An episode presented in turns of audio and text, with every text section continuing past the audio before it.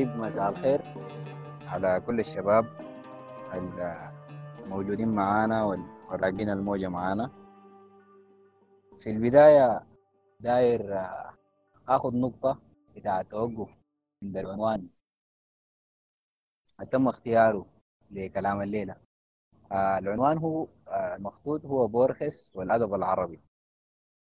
لكنه آه في الحقيقة الأسلم ربما يكون البراح أكثر إذا كان العنوان هو مثلا بورخس والأدب العربي القديم أو بورخس والتراث العربي القديم أو حتى يكون بورخس والتراث العربي والإسلامي. لأنه إذا نحن الليلة دايرين نأشر على نقاط أو نعمل points على نقاط التماس بتاعت بورخس مع التراث العربي فبنلقى إنه في نقاط تماس مهمه جدا.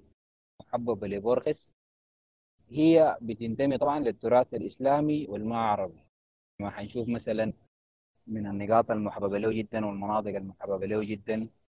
آه تراث التصوف الإسلامي الفارسي في القرنين ال11 وال12 تحديدا آه فريد الدين العطار وعمر الخيام وإن ما كان عمر الخيام قد يوصف بأنه بينتمي لتراث التصوف. فدي النقطة الأولى اللي حبيت أتوقف عندها. إنه الاسم قد يكون ما متسق تماما مع مع النقاط اللي أشير لها ونقيف عندها كثير. الحاجة الثانية هنبدأ بتعريف ممكن يكون موجز أو مبتسر لشخصية زي بورخس شخصية بالثراء الشديد سواء على الجانب الشخصي في حياته أو في فكره أو في أدبه. شخصية تعد من أبرز آه، وأكثر الشخوص الأدبية. ترى في القرن العشرين وربما في كل تاريخ الأدب العالمي. هو اتولد في 1899 وتوفى في 1986 وهو آه، شارب لكل المشارب الأدبية. هو شاعر بالأساس وقاص ومترجم وكاتب وناقد أرجنتيني. وزي ما قلنا هو من أبرز الشخوص الأدبية في القرن العشرين من جهتين. يعني إذا كنا حنتكلم عن بورخس فما حنتكلم عن بورخس بس ككاتب. بل معروف عنه أدبيا إنه بيوصف بإنه من آه من أهم أو من آه من أعظم القراء تاريخ العالم. آه قراءاته المتعددة والواسعة جدا والموسوعية المحيرة اللي بتتصف بها قراءاته هي جانب من الجوانب المهمة والمثيرة جدا للاهتمام في شخص بورخس واللي أثرت طبعا على كتاباته فأكسبتها طابع كوزموبوليتاني أو طابع عالمي. طابع متحرر من قيود القومية ومتحرر آه من الثيمات والموتيفس العامة في أي عصر. متحرر من ال من ال من الأماكن والبقاع المحببة لأي تقليد أدبي محدد. فهو ما بس متجاوز لحيز الزمان المكان بتاعه في أمريكا اللاتينية وإنما متجاوز للمواطنة والشوفينية الزمانية. باعتبار أنه هو قراءاته وكتاباته مشرورة على على مدى زمني طويل جدا. يعني بتمس في ثيماته وفي أساليبه وفي وفي أفكار الأساسية. آه نطاقات واسعة جدا بتمتد من شعر الهايكو الياباني التصوف الإسلامي في في في في القرون الوسطى المتأخرة الأدب الإنجليزي في القرنين ال 18 وال 19 من مناطقه المحببة برضه آه الشعر الأمريكي الحديث. آه الأدب العربي القديم زي ما حنتكلم الليلة. ف ف فهو الزمن الليلة قد ما يسعفنا تماما لأنه نقوم نمس النقاط الدائرين دي بشكل محدد ودقيق وواضح ومريح. فحكون عبارة عن إلماحات بسيطة آه، أشبه بكونها فتح لأبواب للنقاش لنقاط مثيرة للاهتمام أكثر من كونها دراسة وتحليل حقيقي ومتعمد. آه، أسريا ممكن نتكلم عن شخصية والده. والده كان محامي وأستاذ علم النفس وعلاقته به كانت قوية جدا ومصدر إلهام لعدد كبير من كتاباته. علاقته بوالده علاقته بالدائرة الأدبية بتاعت والده لأنه والده هو زي ما هو وصفه مشروع آه كاتب لم يكتمل والده آه حاول في في في, في الرواية وحاول في القصة القصيرة. وكان موجود في دائرة أدبية مرموقة جدا في الأرجنتين. آه مكتبة والده برضه في في المنزل. شكلت جزء كبير من وجدانه شكلت جزء كبير من تصوراته فيما يتعلق بالكتاب فيما يتعلق بالقراية. كعملية حيوية و وكهوس حقيقي بالنسبة له. شكلت تصوراته عن عن عن مفاهيم زي ما هو الأدب أصلا. الممارسة الأدبية هي شنو؟ بتتحرك نحو شنو؟ والأدوات الموجودة في صندوق العدة بتاع الكاتب أي كاتب. ممكن تكون عاملة كيف؟ المداعات المفتوحة بالنسبة لها عاملة كيف؟ حدود القراية حدود الكتابة حدود الفهم كمترجم مس النقطة دي كتير حدود الفهم وحدود التأويل. آه علاقته بأبوه كان علاقة حميمية مشتركة مع الكتب. يعني بيحكي لنا إنه والده كان بيقرأ له قصص كيبلينج زي The Jungle Book وزي Just So Stories وزي كيم وبيقرأ له قصايد كيتس قبل النوم. فصداقته مع أبوه ومع أصدقاء أبوه والدائرة الأدبية اللي كان موجود فيها والده. شكلت حاسته الأدبية وشكلت جزء كبير من اهتماماته وثيماته. تحديدا علاقته مع صديق والده الأقرب ماسيدونيو فرنانديز. ممكن نقول هي الأشعلت اهتمامه بالثيمات الفانتازية المجردة أو هي الشكلت النقطة الدمج فيها ما بين ال high fantasy أو الفانتازيا العالية وما بين المفاهيم الفلسفية والميتافيزيقية المجردة. آه هوسوا بمفاهيم زي مفهوم الزمن مفهوم الما نهاية مفهوم المتاهة الوعي البشري. آه كل الثيمات الميتافيزيقية شديدة التجريد واللي كانت في الأدب ما بتلقى حظها من من من التحليل من التشريح من محاولات التلمس والتحسس. جزء كبير منها جاء من نقاشاته مع ماسيدونيو فرنانديز ومع ومع حواراته معه والدته برضه هي ليونور أسيفيديو سواريز. آه لعبت دور في الشخصية الأدبية بتاعته. اتعلمت الإنجليزية من زوجها واشتغلت مترجمة. وأخته برضه آه لاحقا حتشتغل معاه في مجلة سور أو مجلة الجنوب. وهي كاتبة ومترجمة و و illustratist أو أو مصورة أدبية أو رسامة أدبية. فهو نشأ في بيئة bilingual أو آه، مزدوجة اللغة. لغة المنزل كانت الأسبانية والإنجليزية فده من البداية قد يكون آه، فتح نطاق أوسع للتفكير في العالم بأشكال متعددة ومتوازية في نفس الوقت. وده شكل فيما بعد هوس شديد بالأدب الأسباني والأدب الإنجليزي. عشان ما نطيل في في في في في سير السيرة الذاتية على حساب الموضوع من النقاط المهمة لما والده أصيب بضعف البصر وده مرض آه، متوارث في عائلته من جهة الأب. أصاب والده أصابه بعد ذاك وبينتهي بهم هما الاثنين لما يتقدم بهم العمر للعام التام. سافر معه للعلاج في جنيف وهناك يتعلم الفرنسية ويتعلم الألمانية. وفي نقطة هنا تستحق التوقف طريقة تعلمه للغات بتكشف جزء من آه، العقلية الجبارة التي وهبها وهبها بورخيس يعني مثلا كلمنا عن تعلمه للألمانية عن عن طريق إنه هو قال آه جاب آه جاب ديوان شعر لهولدرلين ولهاينريخ هاينا وجاب معاه معجم ألماني أسباني. فدي طريقة فريدة جدا لتعلم اللغة قد ما يكون سبقوا عليها زول تاني. الطريقة دي في التداول مع الأدب باعتباره روح اللغة ومع اللغة باعتبارها كائن أدبي في حد ذاته معتلج وضاج بالقدرة والطاقة الجمالية والدلالية العالية للأدب. قد يكون كاشف عن عن الطريقة أو عن كيف تدور التروس داخل عقل هذا الرجل. بعد انتهاء الحرب العالمية الأولى الأسرة أمضت ثلاث سنين في أسبانيا.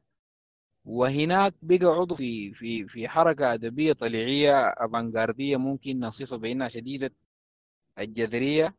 وقام كتب قصيدته الأولى اللي هي ترنيمة للبحر أو انشودة للبحر وكان متأثر فيها بأسلوب والت من هو في محاضراته عن الشعر في في في أمريكا آه، كان أشار للنقطة دي لاكتشافه لوالت ويتمان باعتباره آه، فتح داخل روحه وفي عقله وفي في طريقة تداوله مع الأدب فتح مسارب جديدة جدا. وحتى هو بيروح من السخرية كان يتكلم عن إنه هو في شبابه كان آه مهتم ومهووس بدوستويفسكي. قال له إنه هو زيه زي أي شاب عنده نزعة وغرام مع الإحساس بالحزن رغبة في الحزن يعني. وإنه هو ما تجاوز الرغبة المازوخية الطفولية دي إلا مع والت ويتمان وعلى حد تعبيره وصفه بإنه هو علمه السعادة. آه بعد ذاك كتب أولى مجموعاته الشعرية اللي ما كان بيعتز بها شديد أو كان بيتمنى لو إنه ما كتبها أو لو إنه يحرق كل نسخة اللي هي اسمها Fervor de Buenos Aires حمى بوينس آيرس أو حمية بوينس آيرس أو حماس بوينس آيرس في سنة 23 وساهم في مجلة مارتن فيرو الطليعية. الاسم طبعا على الشخصية الملحمية في في الأدب اللاتيني. و أنشأ أو ساهم في إنشاء عدد من المجلات زي مجلة بريزما في سنة 21 كانت أقرب لمجلة حائطية ومجلة بروا في 22 لحد 26 وكان مساهم منتظم ومهم جدا في مجلة سورة اللي تكلمنا عن عن عن عن شغل أخته معاه فيها. وهناك اشتغل مع شخصية مهمة جدا في حياته. هي صديقته فيكتوريا أوكامبو اللي بعد ذاك كتبت معه عدد من الأنثولوجيز أو المجموعات المختارة من القصص العالمي. وعرفته بصديق عمره اللي بيصغر بعدد كبير من السنين هو اللي هو أدولفو بايوي كاساريس. وكانت علاقتهم الثلاثية ما بينهم هم الثلاثة والثنائية ما بين آه، بورخس وكاساريس. هي هي رحم أنتج الكثير جدا من الإنتاج الأدبي الفانتازي بطابعه وممكن نصفه بأنه طليع في استكشاف مناطق قلما كان للأدب فيها موطئ قدم. اشتغل في في جريدة كريتيكا في سنة 33 ونشر فيها مقاطع من تاريخ عار الكون أو تاريخ العار العالمي أو تاريخ عار العالم. آه، دي هي كانت أول مرة تكشف أو يتكشف لنا فيها آه النمط اللي حيتحرك فيه بورخيس بعد ذاك أدبيا اللي هو فيه عدد كبير متعدي متنوع واسع جدا من الحيل الأدبية والأساليب وممكن نصفها بالألاعيب برضو اللغوية وذهنية بالغة المتعة واللي بتصل أحيانا درجات عالية من التعقيد والموسوعية بتكون مرهقة للقراء. آه، أساليب زي السودو أوبيغرافي زي اللي هي المقالات الزائفة على آه، بأقلام كتاب متخيلين عن مواضيع آه، غير حقيقية أو عن كتب وروايات آه، متخيلة أو وهمية. وزي السرد البيوغرافي لمسيرة حياة كاتب أو أديب متخيل وغيرها من من الأساليب. في حادثة مهمة جدا حنختم بها الكلام عن عن سيرة حياته. هي لعبت دور برضه في انهماكه في الفانتازيا القصصية بالشكل اللي اتكلمنا عنه ده. لأنه قبل كده هو كان بيعرف نفسه باعتباره شاعر. ورغم إنه إنجازاته في في في في في في ملعب الشعر ما كانت مرضية بالنسبة له لكن كان عنده حمية شديدة تجاه الشعر.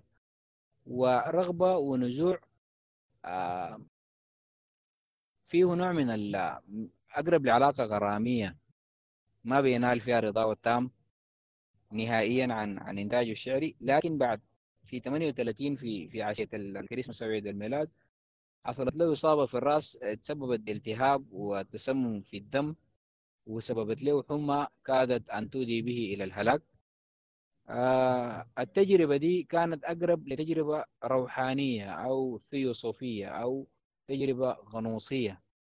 دفعته بعد ذاك بكل قواه للتجربة ثم التجربة ثم التجربة بمختلف أشكالها في حقل القصة القصيرة وفي الفانتازيا لمداءات آه، مثيرة للذهول مثيرة للدوار والحيرة وقابضة على إمكانيات وتقنيات اللغوية والأدبية بشكل مربك ومحير في جماليته العالية. وبتتحسس مناطق كان بيبدو لنا إنها هي محرمة على الأدب. آه بعد ذاك في شكل الثيمات بالغة التجريد مثلا لأنه دي الفترة اللي بعدها كتب حديقة الطرق المتشعبة اللي هي قصة حديقة الطرق المتشعبة. داخل المجموعة بتناقش ثيمة الزمن والزمن كنهر متفرع والزمن كمسارات متوازية متحركة في في اتجاهات مختلفة. مفاهيم أقرب للمفاهيم الجاد بعد ذاك في الفيزياء زي ال multiverse الأكوان المتعددة وقريبة لمفاهيم موجودة في ال quantum mechanics وفي في نسبية أينشتاين الخاصة.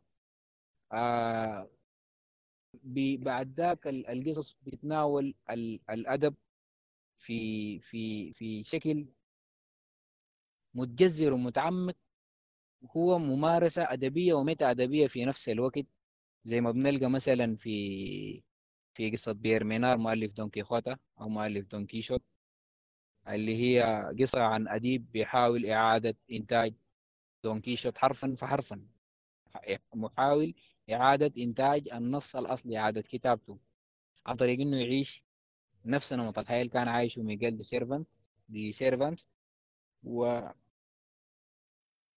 قصة زي دي غنية جدا بالمدلولات والمحاميل الفلسفية والأدبية بتتناول نطاق واسع جدا من المواضيع اللي بيهتم بها أي مهتم بالأدب.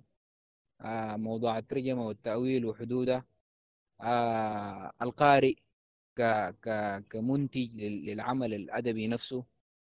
آه، إعادة القراءة كإعادة إنتاج في شكل مختلف. الترجمة كإعادة إنتاج أيضا للعمل الأدبي. آه، حدود اللغة وقدرتها على التوليد الدلالي والمعنوي. ماهية المعنى نفسه. وماهية العلاقة الدلالية ما بين الدال والمدلول؟ وأشياء من هذا القبيل. لقى شهرته الواسعة في في عقد الستينات لما بدأت ترجمته للإنجليزية لل Western Hemisphere في لنصف الكرة الغربي. 61 حصل على جائزة فورمنتر مشاركة مع صامويل بيكت وكان مصدر ذهول وصدمة للعديد أو للملايين من المهتمين بالأدب إنه الشخصية المغمورة دي. تشارك القامة العالية صامويل بيكت آه شاعر مسرح آه العبث الأيرلندي الشهير اللي بتشاركوا الجائزة. وبعد ذاك بدأ استكشاف بوركس ومن قبل جماهير غفيرة ما كان اسمه وصل لها. وبدأ زي ما نقول يأخذ حقه من التقدير ومن الاهتمام وحصل عليه في شكل شهادات تقديرية وشرفية من جامعات مرموقة. وحصل مثلا على آه، وسام الشرف الفرنسي Légion d'honneur وجائزة سيرفانتس من إسبانيا. و... وهنا ممكن نقوم ننهي المقدمة التعريفية ببورخس وب السمات العامة الشخصية والأدبية.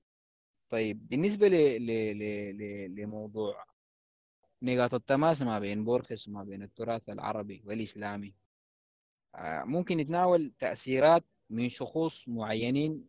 بفتكر إنه هم آه، لعبوا الدور المباشر في تعريف ربما الثقافة العربية وبعد ذاك أخذ طابعهم ذاته الطابع اللي عرفوه به للثقافة دي وقدموها له بقى هو الطابع المتشرب عنده والأكسب قدر من النضج لأنه الشخوص ديل بيمتازوا بالتعدد والثراء والتنوع بحيث إنه معرفته بالثقافة العربية والإسلامية جاءت ناضجة.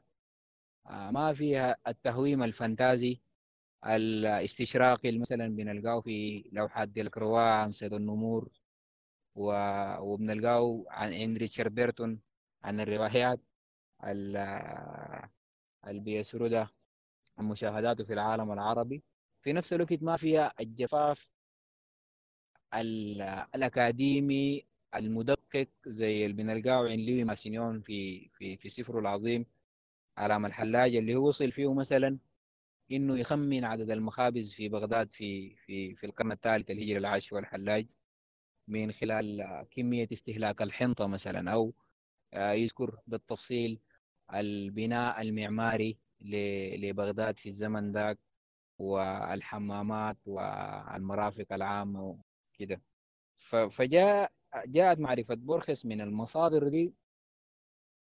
هي مزيج ما بين الرؤية السحرية للشرق ومزيج ما بين الدقة العلمية والأكاديمية والمعرفة الموضوعية الحقيقية في إطار بقى خاص به ومعرفته ذاتها بقت شكل خاص من أشكال ال representation للتراث العربي والإسلامي.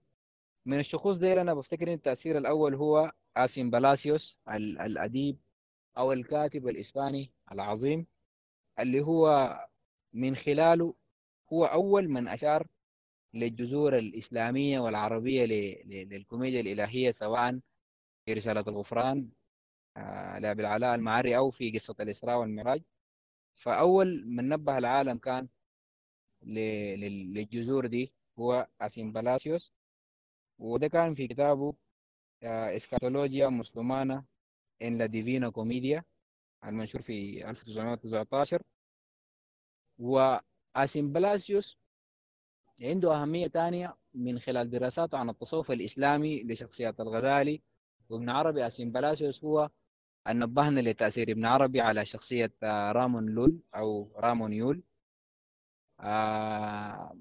في مقاربة ما بين فكرة الزايرجة اللي هي الآلة اللي كانوا بيستخدموها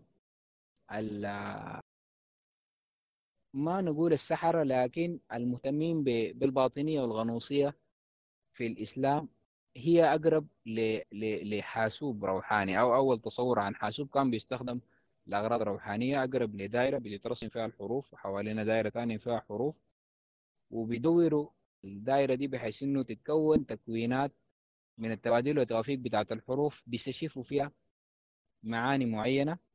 آه الآلة دي أخذها وطورها رامون لول بعد ذاك لأغراض تيوسوفية أو لأغراض غنوصية. ورام و واسمبلاسينوس نبهنا لتأثير ابن عربي على رامونيول في في في في نقطة علم الحرف.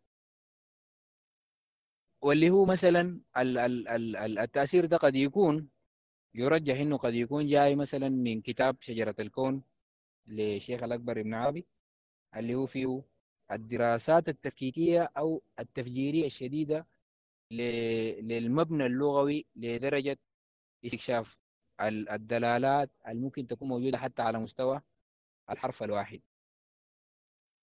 والتأثير ده برضو بعد ذاك بورخس اهتم به عند جون ويلكنز ولغته التحليلية. كتب مقال عن جون ويلكنز وعن محاولته في القرن السبعة عشر لتصنيع أو أو أو نحت لغة تحليلية تكون فيها حروف أي كلمة دالة على معنى الكلمة بحيث إنه أي عارف بأبجدية هذه اللغة بيقدر يتعرف أو يتوصل طوالي للدلالة أو المحمول بتاع الكلمة في اللغة دي.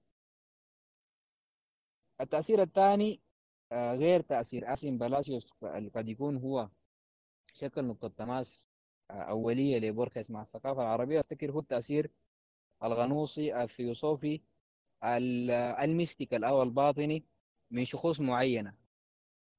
ده بنرشح له جاكوب بومه وإمانويل سويدنبرغ ومارتن بوبر وفي الحقيقة قد ما يكون أسين بلاسيوس رغم تقدير بورخس العالي له ظهر كثير في في كتابات بورخس لكن مثلا شخصية عمانويل سويدنبرغ لقت عنده اهتمام وتركيز عالي واتكتبت كتب عدة عن التأثيرات الغنوصية لسويدنبرغ في فكره وفي كتابة بورخس واهتمامه بمارتن بوبر قد يكون أقرب لكونه اهتمام خفي هو عنده ولع شديد ب ب ب بالنظريات ال mystical لمارتن بوبر تحديدا في كتابه I and Thou أو الأنا والأنت واللي هو نحن هنا بنتحرك في حتة أقرب لتخوم كارل يونغ. فيها مزيج ما بين التفكير ال mystical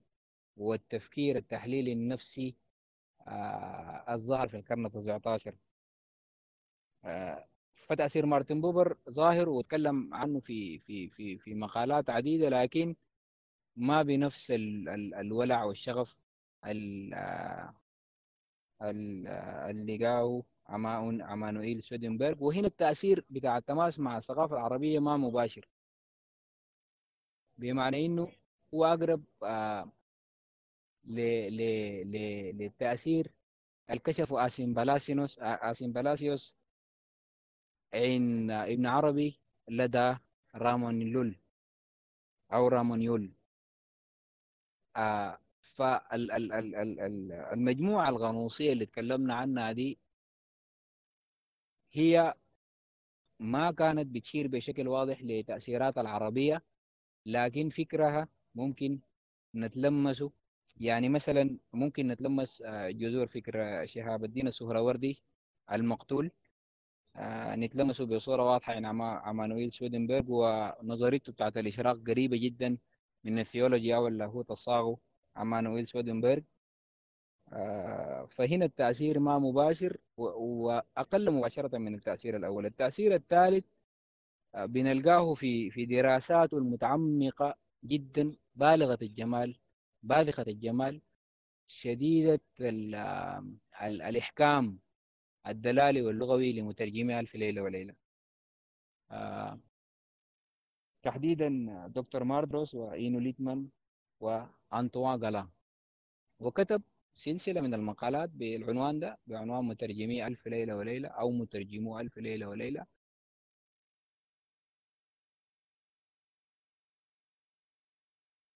يتناول فيه الترجمات دي بدراسة هي أقرب يتناول فيها الترجمات دي بدراسات أقرب ل...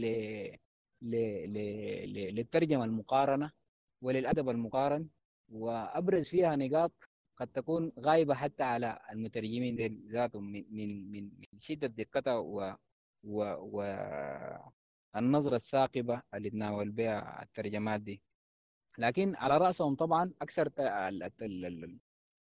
التأثير الأقوى والأكبر كان لريتشارد بيرتون المغامر الإنجليزي المعروف. ريتشارد بيرتون هو scholar أو أو دارس أو باحث آه إنجليزي استعماري إمبريالي بامتياز مستكشف ومغامر بارز. وهو أول أوروبي يدخل مكة والمدينة دخله متنكر آه كمسلم. وكتب عن التجربة دي لأنه مكة والمدينة طبعا زي ما إحنا عارفين كانت في التراث الإسلامي زي المدينة المحرمة في الصين هي آه بتعبير آه عمر بن الخطاب آه أخرجوا اليهود والنصارى من جزيرة العرب أو أخرجوا اليهود من جزيرة العرب. وبيرتون كابتن بيرتون شخصية غنية جدا بالتفاصيل بالإضافة ل... لكونه مستكشف ومغامر هو شاعر وإثنولوجي ولغوي ومترجم للإيروتيكا العربية. وترجمته لألف ليلة وليلة هي من أكثر الترجمات بروزا والأشهر في العالم الغربي. أو اللي قد حظ أكبر من الدراسة من المهتمين. بورخس كتب عنها مطولا في سلسلة المقالات عن المترجمين وقال إنه افترض إنه أهداف بيرتون بتتلخص في نمرة واحد تعزيز سمعته ك Arabist أو كدارس عربي والتحسين من ترجمة لين آه، التي اعتبرها ركيكة وعديمة المذاق حيث عمل على إثرائها بالتفاصيل الإيروتيكية. وثلاثة قال إثارة اهتمام قارئ القرن التاسع عشر الإنجليزي بأدب عربي يعود للقرن الثالث عشر. استنادا لبورخس الهدف الأخير يناقض الأول. قال نظرا لمباشرة النص الأصلي في مقابل النزعة الشكوكية لدى الدارس والقارئ المعاصر. لكن بيرتون تغلب على هذا ليس فقط بتضخيم النص بملاحظات غير متسقة تاريخيا بل من خلال تزييفه له بثراء إنجليزيته. والتعليق ال- قد يكون بالغ السخرية ورسم صورة شبه كوميدية لبيرتون من قبل بورخيس ده هو في الحقيقة ما بيكشف عن مدى تأثره به اللي بيظهر في إشاراته العديدة وفي مقالاته وحتى في أعماله القصصية. تأثير بيرتون مثلا بيظهر لنا في قصص زي حكيم الخراساني مقنع مرو وأبو الحكم البخاري ميتا في متاهته ونسب له قصة مرآة الحبر في كتاب بيرتون عن منطقة البحيرات في أفريقيا الوسطى.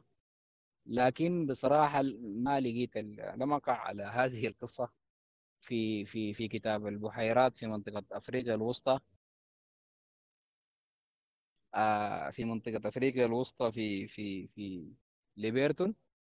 ولا في الأعمال الكاملة ما لقيت القصة فهو قد يكون غلبت عليه عادته في انتحال أعمال لأسماء حقيقية أو نسبة أعمال حقيقية ل... ل... لأشخاص متوهمين أو نسبة لأشخاص حقيقيين وهم اللي كتبوها. كنوع من الألاعيب اللغوية اللي بيحب إنه يمارسها دائما أو كنوع من شكل ممكن نعتبره من أشكال الدعابة ال- الذكية أو المتزاكية مع قراءه. التأثير الرابع أعتقد إنه جاي من من ترجمة فيزيرالد رباعيات الخيام ومنطقة الطير لفريد الدين العطار. والمقال هو كان بعنوان The Enigma of Edward Fitzgerald. وكان فيه نظرة رومانسية عالية وجميلة وشبه تصوفية لشخصية إدوارد فيتزجيرالد ال- الكاتب والمترجم ال- الإنجليزي الشهير. آه، بيصل فيها في خلاصات آه، قريبة لعقيدة تناسخ الأرواح عن آه، عن عن وعن الخيام باعتبار إنه الخيام كتب رباعياته وبعد ذاك روحه ظلت هايمة عبر القرون وحلت في فيتزجيرالد عشان يعيد ترجمتها أو عشان يترجمها.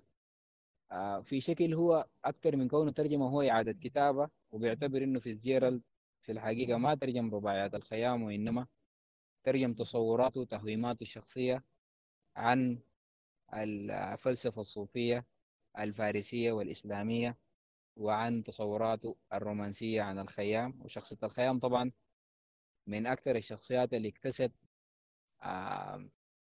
بأشواق رومانسية استشراقية متخيلة سواء عند الجمهور الغربي العام أو عند الدارسين. فبنلحظ دي التأثيرات ال- ال- ال- الممكن نقول قدرنا نرصدها كمداخل لبوركس للتراث العربي. والإسلامي أو دي ممكن تكون الأبواب اللي من خلالها تعرف ويتلمس الثقافة دي. فده ممكن يكون مبحث كويس للنقاش إنه هل فعلا هي دي نقاط التماس ال- الحقيقية اللي بدأت علاقته مع التراث العربي والإسلامي ولا في نقاط تانية أقرب وأهم؟ فبرجع تاني للنقطة بتاعت إنه منظور برخص للثقافة العربية بسبب المداخل دي وبسبب أصلا هوسه بالموسوعية وبالمعرفة الدقيقة وب... وب... وبالاطلاع على الكلاسيكيات في حد ذاتها سببت في حاجتين. سببت في إنه بقى ما عنده تماس نهائيا مع الأدب العربي الحديث لأنه هو بطبيعته بيصف نفسه بأنه قارئ للكلاسيكيات وهو فعلا كل نطاق اهتمامه الواسع والعالمي ده يكاد يكون محصور في في في كلاسيكيات الآداب المختلفة بجنسيات المختلفة فدي انطبقت على الأدب العربي برضه لكن في نفس الوقت رغم ال- النقص ده في قدر لا بأس به من النضج في نظرة أقرب للموضوعية ما فيها آه مخيال عالي آه فانتازي استشراقي متوهم. وما فيها جفاء أو بعد أو مسافة كبيرة بسبب الرغبة الشديدة في الدقة والموضوعية زي ما بنلقى عند هنري كوربن مثلا أو زي ما بنلقى عند ماسينيون. رغم إنه ماسينيون في في في نقاط كثيرة من كتابه آلام الحلاج يتجاوز النظرة الأكاديمية الموضوعية دي وسمح لأشواقه الصوفية الداخلية بأنها تتحرك في نطاق تعاطف سيكولوجي وفي نطاق آه، نوع من التحنان تجاه تجربة الحلاج سواء معاناته هي اللي انتهت بإعدامه وتعذيبه أو سواء مع نظرة الصوفية آه، اللي بتتمركز حول مفهوم الحب. أيا يكن ممكن ناخد نموذجين نشوف فيهم التماس ده يتمظهر كيف عند بورخس هناخد نموذج الاقتراب من من المعتصم أو الدنو من المعتصم ونموذج بحث ابن رشد وهم قصتين قصيرات الاقتراب من المعتصم آه اختصارا ل... للزمن وعشان نلقى فرصة. للمداخلات الثيمة الأساسية بتاعتها هي عن مكتوبة قصة عن رواية متخيلة لكاتب آه باكستاني.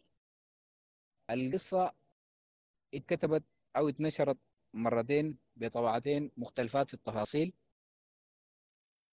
الثيمة العامة أو الحبكة العامة بتاعت القصة مش الثيمة هي قصة عن طالب آه باكستاني بيدرس الحقوق وبيلحد أو بيكفر بالملة الإسلامية. في ليلة العاشر من محرم وبكون في موكب محتفل بعاشورة موكب مسلم. تحصل اشتباكات مع هندوس وبيلقى نفسه في نص اليوضة فبيقتل أو بيعتقد إنه قتل هندوسي وبعد كده بيفر أو بيهرب. وبعد كده بتاخدنا القصة حسب وصف بوركس ذاته للرواية المتخيلة أو المتخيلة. لتطواف واسع بجغرافية هندوستان الرهيبة. لكن بنلاحظ في التطواف ده مزج ما بين النظرة الواقعية الموضوعية لعالم الشرق. آه باعتبار إنه ديل في النهاية ناس يعني عندهم حياة وبياكلوا وبيشربوا شاي لبن وكده. وما بين الفانتازيا العالية الملحمية. يعني مثلا في التطواف ده في في مشهد بيقول إنه الطالب بيشهد مولد الأيام في البحر من شرفة في مكتب المدونين في مدرس آه وصف خالي تماما. يعني فيه اللمحة الرومانسية في في في مطلع الأيام في البحر أو مطلع الشمس في البحر لكن فيه اللمحة الواقعية الجافة في نقطة مكتب المدونين في مدرسة. والفانتازيا مثلا بنلقاها في مثلا في إنه في نفس التطواف ده بيشهد وفاة فلكي ضرير في أحد مسار بيناروس. ف بيمزج ما بين الرؤية الواقعية للعالم الشرقي باعتباره مكان أمه ويعيش فيه بشر مثلنا زي ما بقول الطيب صالح يعيشون ويموتون ويتزوجون وكده يعملون. وبيمزج فيه مع النظرة بيكون موجودة فيه برضه النظرة الفانتازية السحرية بتاعت عوالم ألف ليلة وليلة اللي هو كان مهووس بها واللي تقريبا هي آه، شكلت من خلال عدد كبير من الأدباء الغربيين عن عن الشرق العربي والشرق الإسلامي. في قال في في الرواية يقول إنه أو في سرده لأحداث الرواية يقول إنه في نهاية الأعوام يصل الطالب إلى رواق في آخر آه، في آخره باب عليه حصيرة من خلفها سطوع. يصفق الطالب بيديه المرة تلو المرة فيأتيه صوت صوت المعتصم الذي لا يصدق يدعوه للدخول.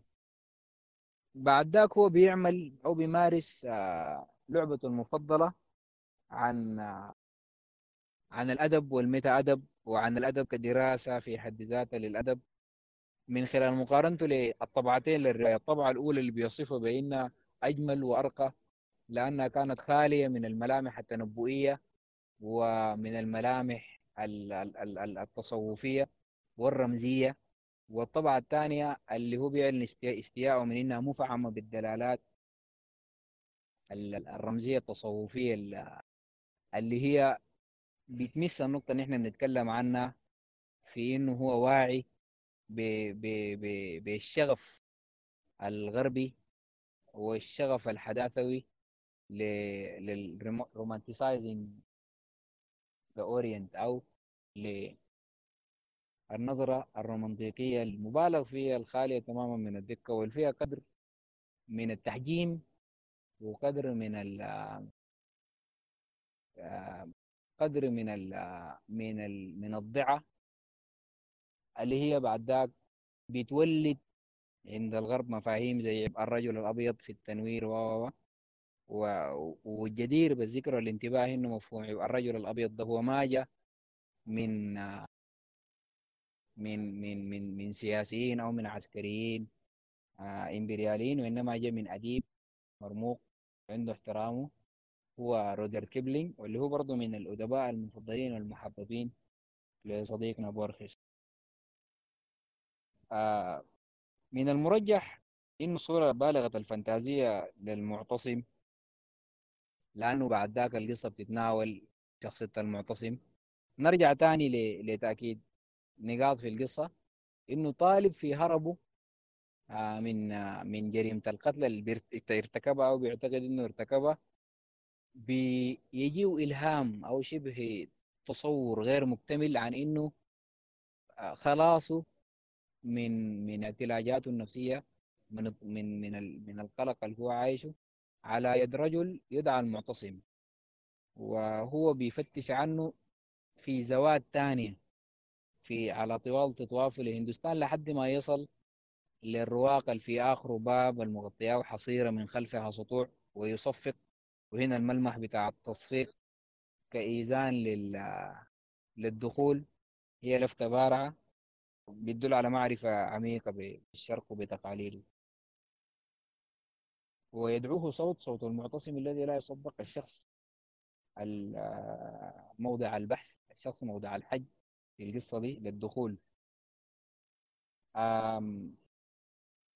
برجح إنه ال ال ال الصورة الفانتازية اللي اترسمت للمعتصم ما صاحب الاسم في القصة وإنما لأنه هو في في النص بيوضح لنا إنه آه المعتصم كلمة عربية من اعتصم أي التجأ وامتنع وهو اسمه ثامن الخلفاء العباسيين وبيسرد إنه بيسموه المثمن. بعتقد إنها جات من من من هامش من ترجمة ريتشارد بيرتون لألف ليلة وليلة. اللي بيقول فيها بيرتون إنه المعتصم ابن الرشيد من ماردة وهي أما سرية من أصول أجنبية كان شجاعا مقداما لكنه لم ينل حظا وافرا من العلم وبلغ من قوته الجسدية. وهنا بنشوف الملامح الفانتازية العالية إنه كان بوسعه أن يكسر أن يكسر مرفق رجل بين أصابعه وقلد دواوين الملوك الفرس وكان يلقب بالمثمن octonary. لأنه كان الثامن في الخلفاء العباسيين والابن الثامن للرشيد بدأت خلافته في 218 هجرية وعاش 48 سنة وولد في برج العقرب الثامن من برج السماء. انتصر في ثماني معارك وخلف ثماني أبناء ثمانية أبناء وثمانية بنات. فهنا قد يكون بيرتون هو مصدر التصور الفانتازي. رغم إنه التصور ده موجود في التراث العربي لكن آه ما تنقل التصور الثاني الواقعي عن الخلافة العباسية عن الاضطرابات السياسية اللي كان بتشهدها عن العنصر الفارسي الصاعد في في في تلك الفترة من الخلافة العباسية. الملامح الواقعية آه اللي كان ممكن يتنبه لها في في أشار للمصادر البعيدة لأنه أنا بعتقد إنه في مصدر ثاني قريب للقصة. المصادر البعيدة واحدة منها فانتازيا غربية آه، ذات موضوع شرقي اللي هي قصيدة ملكة الجن أو حسب ترجمة بروفيسور محمد أبو العطا ملكة عبقر قصيدة إدموند سبنسر The Faerie Queene كصورة عامة عن عن عن القصيدة دي هي بتشترك مع مع مع الاقتراب من المعتصم أو البحث عن المعتصم في إنها معراج أو سلوك أو مسار حج أو تقدم لكن من جانب نفساني وتصوفي. كله هي عبارة عن كتب القصيدة طويلة جدا قد تكون من أطول القصائد في الأدب الإنجليزي. وبتكون من كتب وكل كتاب بيحكي قصة فارس بيمثل فضيلة معينة الكتاب الأول الشجاعة والثاني الاعتدال والثالث العفة وهكذا الرابع الصداقة ولحد السادس.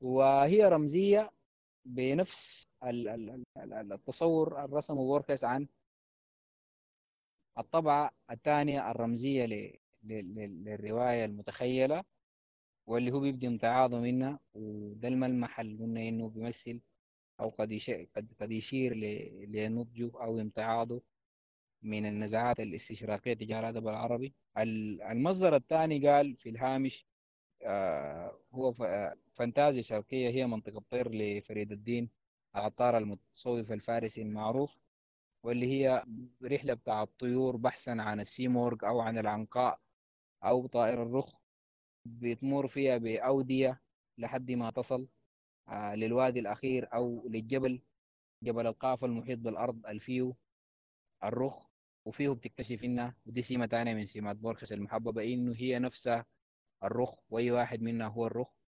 وللإشارة للعبة اللغوية البارعة من فريد الدين العطار في إنه كلمة سيمرغ بالفارسية معناها 30 طائر وهي أصلا بتصل من الطيور دي كلها 30 طائر. فبتمر ب... ب... بالوادي الأول وادي السع... وادي السعي أو الطلب وبعد ذاك الوادي الثاني وادي الحب والوادي الثالث المعرفة والرابع العزلة والخامس الجمع والسادس الحيرة والسابع ال- الفناء فهو بيقارب ما بين المصادر دي باعتبارها المقاربة دي أداة. تبدو إنها خارج العمل الأدبي خارج القصة لكن هو المقاربة دي هي داخلة هي جزء أصيل من من من من من أدوات المخادعة الأدبية حقته اللي بيخلق المفارقة أو حيث المفارقة ما بين النص المتن والهامش بحيث إنه يدوا مستويات للخيال كأنه في تدرج في خيال في الخيال خيال أعمق وخيال أقرب وبتح له مناقشة. موضوع واحد من خلال سمات متعددة داخل المتن بتاع القصة من خلال ال- الفانتازيا وخارج المتن من خلال أو خارج المتن أو في في الهامش من خلال ال- الأسلوب ال- ال- الأكاديمي أسلوب المقال أو أسلوب النقد. هنا في في في في مقاربة أو في نقطة تستحق إنه نلتفت لها كمقارنة بسيطة بترك التعليق فيها ل- لمن يرغب من المستمعين. آه عبد اللطيف في في مقاله شهير آه الفتنة بإليوت. كان بيبدي امتعاضه من إليوت في في أو بيظهر انزعاجه في إنه في تعمد من قبل إليوت لعدم ذكر العرب ولتجاهل التراث العربي. وبيستعمل إنه كيف آه، أديب موسوعي وبيكتب عمل موسوعي فيه تناص مع مجموع التراث الأدبي العالمي يكون فيه عدم ذكر تام للتراث الأدبي العربي. آه، وبيشوف إنه هي دي نزعة ما أعرف أوصفها بإنه شنو مثلا في إشارة لبيت ويرزورث Yet there the nightingale filled all the desert with inviolable voice and still she cried and still the world pursues jug jug to dirty ears فهو بيقول إنه مصدر inviolable voice آه الصوت غير القابل للاختراق أو غير القابل لل لل للانفتاح قال إنه مصدره وقال على وجه التأكيد اللي أنا ما أعرف جابه من وين إنه مصدره من الآية القرآنية لم يطمسهن إنس قبلهم إنس قبلهم ولا جان. وده هنا قد ناخدها كملمح أو ك... ك... كنظرة لل- لل- للمقاربة ما بين النظرة للتراث الآخر الأدبي ما بين طرفين إن بورخس وإن عبد اللطيف. آه أنا أعتقد إنه المصدر الأقرب لإلهام قصة الاقتراب من المعتصم هو قصة ويليام بيكفورد باثق أو آه الواثق وهي قصة سمتها بورخيسية جدا رغم إنها اتكتبت قبله. فيها الخليفة التاسع اللي هو الواثق من المعتصم بيفتش بيحلم بقصر معين وبيفتش عنه. وعشان يصل له بيقوم بيرتكب قدر كبير من الفظاعات والجرائم. اللي بيكون جاء إلهام أو بيكون جاء إلهام بإنه ده الثمن المفروض يدفعه عشان يصل للقصر ده وفي النهاية بيصل لهذا القصر تحت أرضي وبيكتشف إنه القصر ده جهنم. ف بالشكل ده قصة الاقتراب من المعتصم بقت تحمل داخل اللعبة تنطبق على نفسها. القصة كأنها حبكة أفضل لرواية سابقة وتتحدث عن رواية لها حبكتين إحداهما أفضل من الأخرى وهو نفسه أشار للحتة دي في الفقرات الأخيرة. آه لما قال لاحظ قارئ محقق وجود تشابهات مع كيبلينج في على سور المدينة ولما قال يفهم أنه من المشرف أن يشتق كتاب جديد من كتاب قديم لأنه لا أحد يحب كما يقول دكتور جونسون أن يدين بالولاء لمعاصريه. فدي قد تكون إشارة ل... ل... لاشتقاق ال... الاشتقاق الأقرب للقصة من من قصة ويليام بيك... بيكفورد. نتنقل أو نمشي. لبحث ابن رشد. آه موضوع القصة تقريبا هو موضوع كلامنا الليلة ذاته. هي نظرة رومانسية للعجز عن الفهم عن عجز بورخس عن فهم ابن رشد ومحاولته لمقاربة عجز ابن رشد عن فهم لفظتي كوميديا وتراجيديا في ترجمته في ترجمته لكتاب الشعر لأرسطو. آه في في بدء القصة باقتباس من إرنست رينان. إنه وكان يترجم كوميديا لمدائح. فالقصة هي دي في حد ذاتها كان ممكن نقرأها الليلة ونعتبر إنه ده شكل التماس الخاص جدا والفريد من نوعه بتاع كاتب. قد يوصف بأنه غربي مع التراث العربي القديم والتراث الإسلامي القديم. وفي القصة برضه بيكشف لنا معرفته الموسوعية وال- والعميقة جدا. التراث ده في إشاراته مثلا لابن سينا اللي هو اللساني الشهير صاحب معجم المحكم وهو بالمصادفة شخصية شبيهة جدا ببورخيس لأنه أعمى ودرس والده اللي هو برضه كان أعمى والاثنين كان عندهم اهتمام باللغة وبالفيلولوجيا. إشارته لأبو بشر متى مترجم أرسطو ووفقا لرينان أرسطو اطلع على ترجمة أبو بشر متى ولحنين بن إسحاق المؤرخ والمترجم. والكان بيجيد العربية والسريانية والفارسية واليونانية والترجمة عن الجالينوس أبو قراط وأرسطو والعهد القديم التوراة من اليونانية. وكان ال- ال- الخليفة المأمون عينه مسؤول عن بيت الحكمة وديوان الترجمة. إشارته لكتاب العين للخليل بن أحمد الفراهيدي اللي هو أول معجم منسق للغة العربية. والإشارات دي كانت ل... ل... ل... ل... حازقة جدا.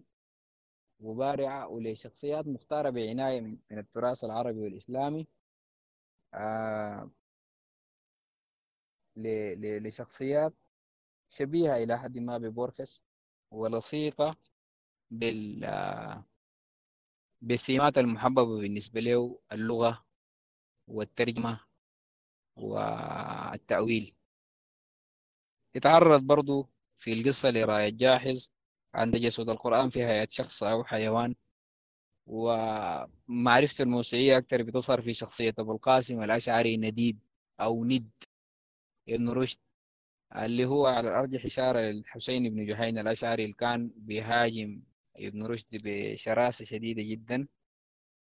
لكن في حاجة وحيدة ممكن تكون محيرة إنه على الرغم من إشاراته الموسوعية والدقيقة لشخصيات قد ما تكون معرفتها والوصول لها ميسر. لكاتب غربي ده ما تراسه لكن بتغيب تماما إشاراته للشخصيات اللي هي آه، بتسترعي الانتباه قد تكون أو قد تكون أقرب أو أشهر فمثلا ما تطرق نهائيا على حد علمي لشخصية زي أبو العلاء المعري هي آه، مغرية جدا لأنه يكون اتطرق لها نظرا للتشابه بين الشخصيتين في الأفكار وفي الميول وفي الشخصية والسيكولوجية وحتى في في المصير المأساوي في العمى. آه لكن اتطرق للمتنبي مرة واحدة تقريبا أعتقد في ذكر بيته الشهير الخيل والليل.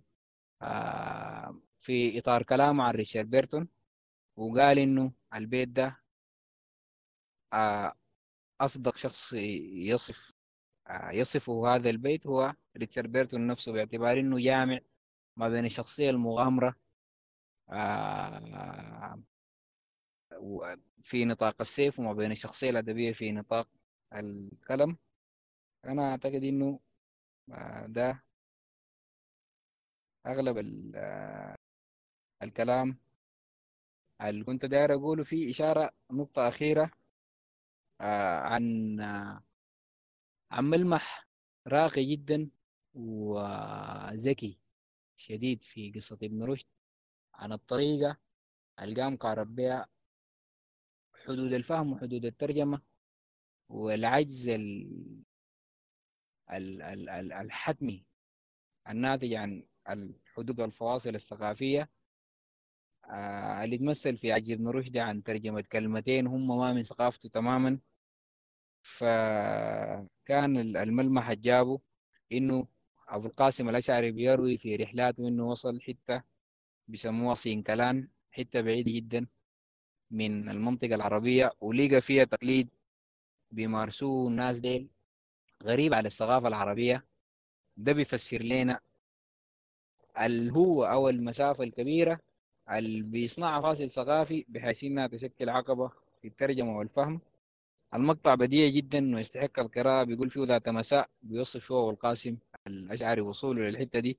ذات مساء أخذني تجار سينكلان المسلمون إلى دار مشيدة من خشب مزين برسوم. يعيش فيها أناس كثيرون. لا يمكن لا يمكنني أن أحكي لكم كيف كانت تلك الدار. فهي أقرب لأن تكون حجرة واحدة فيها صفوف من رفوف متدرجة أو شرفات بعضها فوق بعض. وفي تلك المقصورات هناك أناس يأكلون ويشربون ومثلهم على الأرض وكذلك على منصة. وكان من هم على تلك المنصة يقرعون الطبل ويعزفون العود عدا خمسة عشر أو عشرين منهم بأقنعة قرمزية اللون يصلون ويغنون ويتحاورون يعانون الحبس. وليس هناك من يرى سجنا ويمتطون الخيل دون أن يلمح الحصان ويقاتلون إلا أن السيوف من قصب ويموتون ثم ينهضون بعد ذلك. واقفين. فقال فرج أفعال الحمقى تتجاوز توقعات الإنسان العاقل. وكان على أبي القاسم أن يوضح لم يكونوا حمقى بل كانوا يشخصون قصة كما قال لي أحد التجار.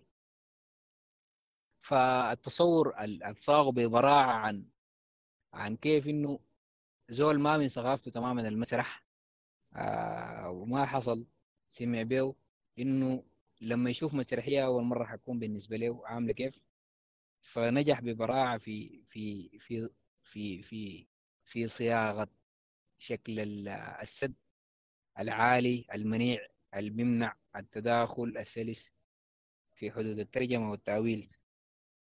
وداير اختم كلامي آه بمقطع جاء في آخر القصة بيوضح فيه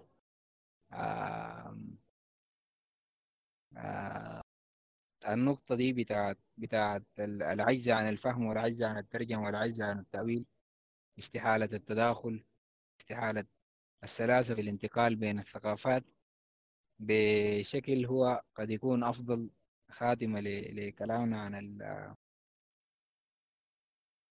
عن عن عن عن شخص غريب بالغ الموسوعية بالغ التعقيد وبالغ الجمال. في مقابل تراث غني وثري ولا يقل جمالا وبذخا. قال أردت في القصة السابقة قصة بحث ابن رشد في الهامش أن أروي سيرورة هزيمة وقد فكرت أولا بأسقف كانتربري ذاك الذي عزم على البرهنة على وجود الإله ثم فكرت بعد ذلك بالخيميائيين الذين بحثوا عن حجر الفلاسفة ثم ببطلان القطاعات الثلاثة الثلاثية للزاوية وبمقومي الدائرة. وفكرت بعد ذلك بأن الحالة الأكثر شاعرية هي حالة رجل يروم هدفا غير محظور على الآخرين ولكنه محظور عليه. فتذكرت ابن رشد الذي لم يستطع قط وهو منغلق في نطاق الإسلام أن يدرك معنى كلمتي تراجيديا وكوميديا. رويت الحالة وكلما تقدمت كنت أشعر بما لا بد أن يكون قد شعر به ذلك الإله الذي أتى على ذكره بورتن الذي نوى أن يخلق ثورا وإذا به يخلق جاموسا. شعرت بأن العمل يسخر مني وأن ابن رشد إذ أراد أن يتخيل ما هي دراما دون أن تكون لديه أي فكرة عما هو المسرح لم يكن أكثر عبثية مني. عندما أردت أن أتخيل ابن رشد دون أن تتوفر لي أي مادة عنه سوى نتف من رنان ولين وآسم بلاثيوس. لقد شعرت أنا في الصفحة الأخيرة بأن قصتي هي رمز للرجل الذي كنته في أثناء كتابتها وأنه كان علي لكتابة هذه القصة أن أكون ذلك الرجل وأنه لكي يكون ذلك الرجل علي أن أملي هذه القصة. وهكذا دواليك إلى ما لا نهاية. وفي اللحظة التي أتوقف عن الإيمان به يختفي ابن رشد. وشكرا لحسن الاستماع. شكرا يا أرباب. شكرا يا محمد. مدني يديكم العافية. تسلموا كثير. طيب يا شباب إذا في عنده مداخلة ممكن يكتب. نفتح له المايك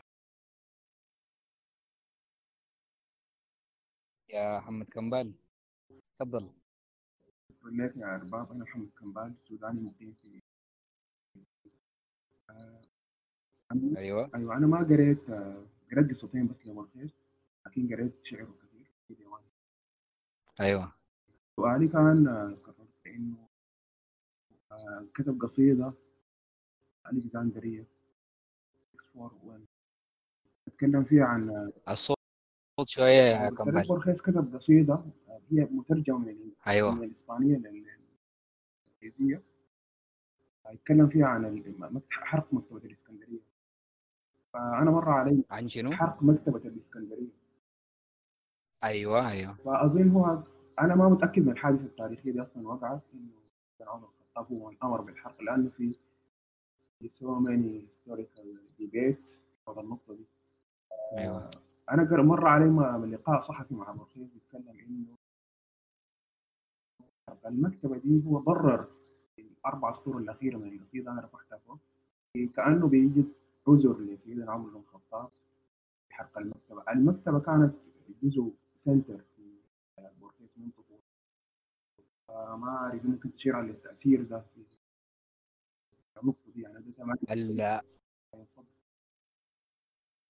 ال- ال- الحتة دي أنا ل- لقيتنيها كمبال في في مجموعة مرآة الحبر في في في المقطوعة أو في ال- في المقال اللي بيتكلم فيه عن حرق الكتب وعن وعن السور عن الإمبراطور الصيني اللي بنى آه، سور الصين العظيم وعن قراره بحرق الكتب وأشار فيه لحرق مكتبة الإسكندرية وعنده إشارات في حتات متعددة ل لعقيدة الكتب. آه، باعتبارها ممارسة بشرية غريبة من نوع إنه رسم الكلام أو رسم الأفكار ما ما ما بالشكل الفني وإنما تد- نقل الأفكار حرفيا لشكل مادي ممكن يتنقل ل- لشخص تاني عن سحرية الفكرة دي.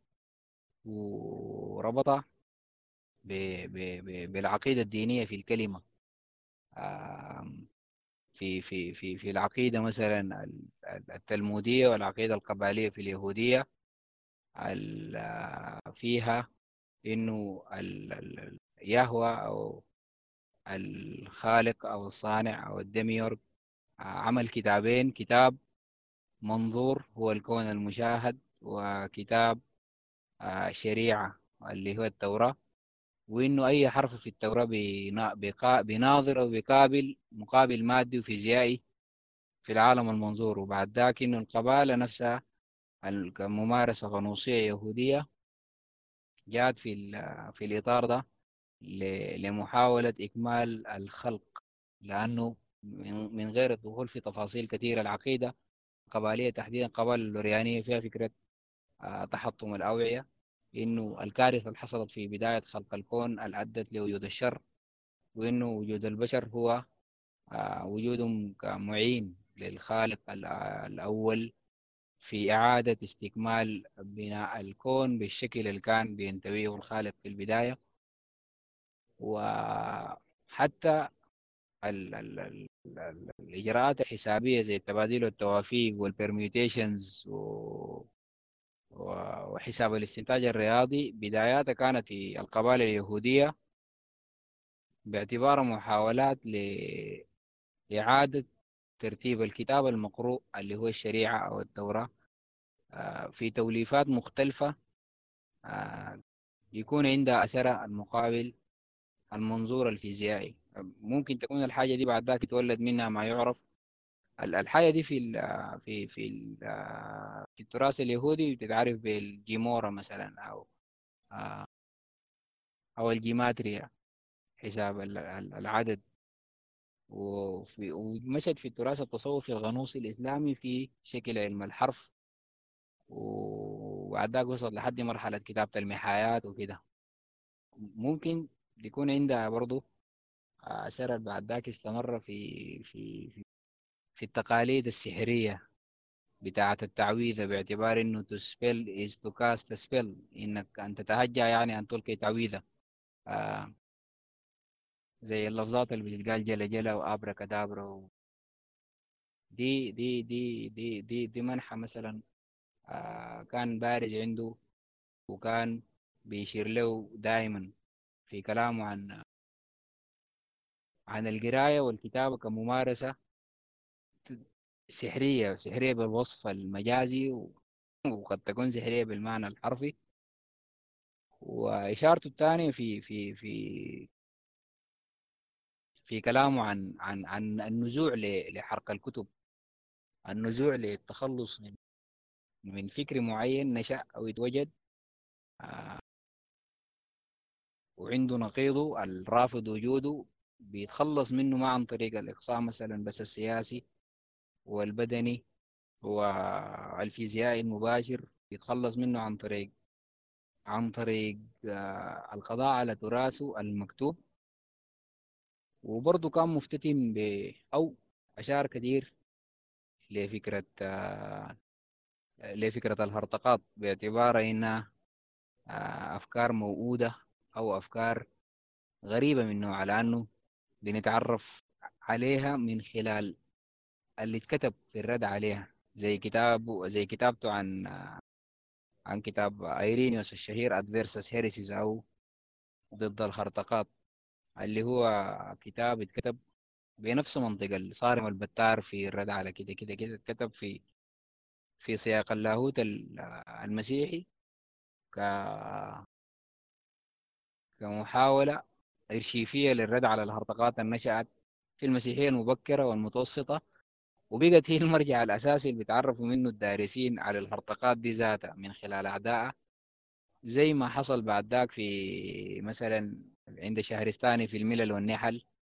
وعند ابن حزم إنه أغلب الدارسين بيتعرفوا على على على على التراث ال ال الإسلامي الموؤود زي المعتزلة وغيره من الفرق اللي توصفت بالزندقة والهرطقة وغيره سواء كان تصوفية أو كلامية من خلال ردود أعدائهم عليهم.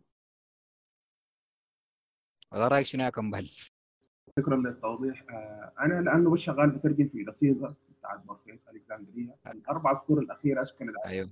آه لو أمكن بس الإيميل بتاعك عشان أرسل لك النص لأنه أنا داير أكون دقيق في رغم بورخيز ذاته خلاص. بيتكلم عن إنه الترجمة إعادة بحث النص. فأنا بس ما أقدر ألعب المعنى بتاعه ذكر فيه سيدنا عمر وحرق أيوه أيوه. ما أقدر أودي ضي النص خلاص. مشكلة على القارئ العربي. لأنه هو والله ما أعتقد إنه حكون يعني ذو فائدة جمة ولا كده لكن حنتراسل نتكلم في الموضوع ده يعني. لأنه النص أصله أسباني ومترجم للإنجليزية فلما أنا أترجم للعربية بالذات في حتة هي سنسيتيف زي حرق المكتبة. سنسيتيف في التاريخ العربي الإسلامي نفسه.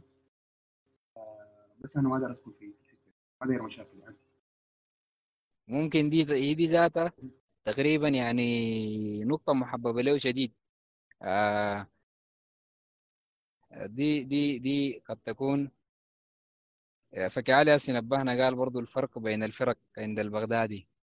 آه النقطة اللي تكلمت عنها دي آه هي ذاتها زي ما قلنا وزي ما ما ممكن برضو نقدر نقول لأنه يتشعب فيها شديد حدود التأويل وحدود الترجمة ومارس فيها لاعب كثيرة آه قد يكون جزء كبير منها غايب. آه عننا ذاته أصلا ما عرفناه ولا طقش أظن ولا جانب الدرب ولا أي حاجة. لكن يا man نتراسل ونتكلم في القصة دي. لو في أي مداخلة تانية يا كمبال ولا حاجة زي ما بقولوا تسري النقاش ولا ولا تفتح باب نظمي. لأنه والله أنا أنا أنا man كلامي انتهى غايته أنت أي حاجة داير أقولها قلتها. أنا ما aware بال كثير. أنا أنا بحب الشعر بتاعه. عندي ديوان هنا زي ما قلت شغال. عندي مشروع صغير بتاع ترجمه لعشرة من قصائده أيوه. فمرت علي بس فكرة ال- القصيدة بتاعت ألكسندرية اللي فيها فيها قصيدة شنو؟ ألكسندرية آه، 641 أنا شاركتها فوق. هي ما بعرفها والله ما لقيت آه، هو بس لأنه آه، هي قصيدة قديمة وبورخيس كتبها اظن بالاسبانيه وبعد ذاك آه، ترجمت الإنجليزية. لكن ما مرت عليه أيوة. العربية. النقل ده بين اللغات. أيوه. آه، هو آه، أغلب الترجمات اللي اتعملت اللي اتعملت للقصص ودايره من الإسبانية آه، أنا أيوة. ما بعرف إسباني بعرف إنجليزي وشويه العربي ذاته كده. أنا بحاول أنقل نقلي من الإنجليزية ف...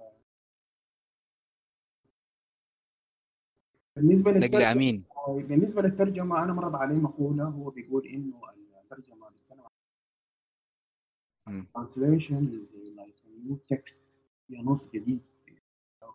انت. المسلم نفسه ممكن يسقط تجاربه على النص. فانا زول مسلم أيوه. حتى الآن. لما نمر علي نص لبرفيل بيتكلم عن المكتبه الاسلاميه وكده ب- الرد رد الفعل الأول بتاعي كان أصلا يعني إنه أنا فعلت أنا ما فهمت عن ما فهمت قصدي كنت فاكره.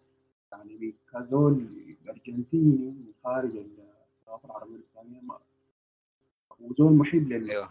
وزول أصلا اتولد جوا مكتب بتاعت والده وزول وصل مرحلة بيقول إنه imagine paradise library هذا زول وصل يعني المكتب بيكون يعني شيء كده أساسي حتى في حياته. لما يواجه بمثلا قائد مسلم حرق مكتبة كاملة ومكتبه ما صغيره زي الف لايبرري آه، أكيد رد فعله بيكون أنا احتجت امشي لل- للقاء صحفي حارس. وضح فيه ذات النقطة دي وكان ذاك يتكلم عن هذا الصحفي. كان له لقاء صحفي ثاني مع انه صحفي عربي بيتكلم أيوه.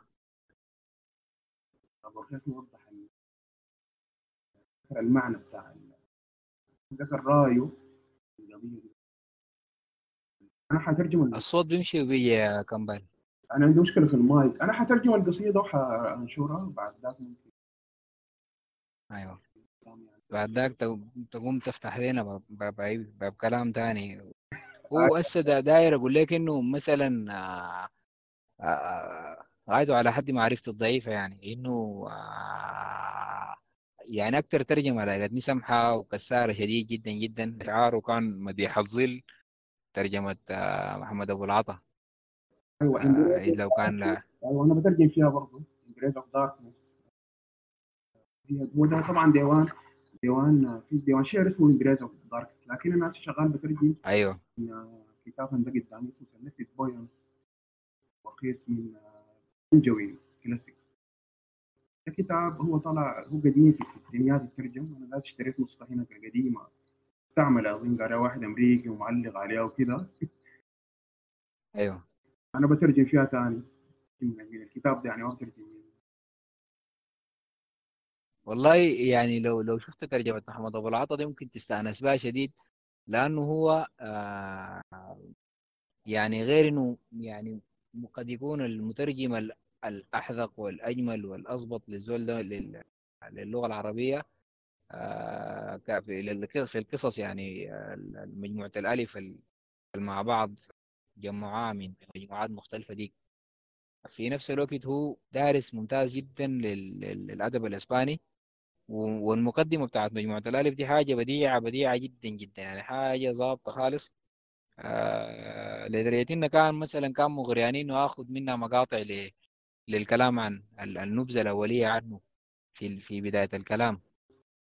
لكن آه لكن أسرت إنه الكلام يكون ما موغل في ال في ال لأنه هي أقرب ل- لدراسة محكمة عن عن عن عن أدب بورخيس عامة وعن موقعه في الأدب الإسباني وتأثيره على حركة ال Latin Boom وعلى ال... وعلى ال... حركة الواقعية السحرية. يعني هو ممكن يعتبر من آباء المؤسسين حديثا يعني. الحاجة الثانية في, في... أيوه. آه، انت ذكرت تفضل. ذكرت ال footnotes يتكلم عن فريد الدين العطار أيوه. رسالة منطق الطير. طبعا هي ال- أيوه. التصوف في نهايته ممكن أنت تصل مراحل تفتكره كده زي ال- اللا أدرية. آه، بورخيس أيوه. في في واحدة من قصائده بيتكلم بيشير لأنه هو ال agnostic اللي ما عنده إجابة نهائية حول وجود الإله عدم أيوه. هل ممكن مثلا آه، الأخذ يتأثر بال يتأثر فيه مثلا؟ بال- بالتراث الفارسي ده يعني؟ آه، والله ال- ال- على حد علمي إنه مثلا من لقاءات ومن من قصائد ومن كده بي- بيحب يقول إنه هو آه ما بيؤمن بإله شخصي ما بيؤمن بإله قيوم يعني بيؤمن بإله سبينوزا وبإله سويدنبرغ وبإله قال بيشبه آلهة ال- المتصوفة الفرس. يعني إشارة قريبة لدي لكن هو أنا ما أعرف ما داير ما داير آه، لكن تقريبا المسافة واسعة جدا ما بين ما بين إله سبينوزا وما بين إله فريد الدين العطار. التصوف الإسلامي فيه ال- الحس الشمولي العالمي ال- تحديدا ال- ال- الفارسي. ال- إذا ذكرنا أسماء فريد الدين العطار والحلاج باعتباره فارسي. رغم أنه كتب بالعربية وشهاب الدين السهروردي وديل. آه في في في اللاهوت بتاعهم قد قد في حتات كثيرة يكون مقارب لفكرة ال- ال- الربوبية المجرد ال- ال- ال- الوصفه هو بوركس بإله سبينوزا ده الإله ال- ال- الأقرب لفكرة أرسطو عن المحرك الأول الذي لا يتحرك أو عن ال- العامل ال- العاطل الأوجد الحركة الأوجد المكان الأوجد الاعتلاج ال- اللي بنسميه الكون ده وبعد ذاك وال- وال- والفكرة دي طبعا يعني مشرورة في في حتات كثيرة يعني لحد ما تصل معاك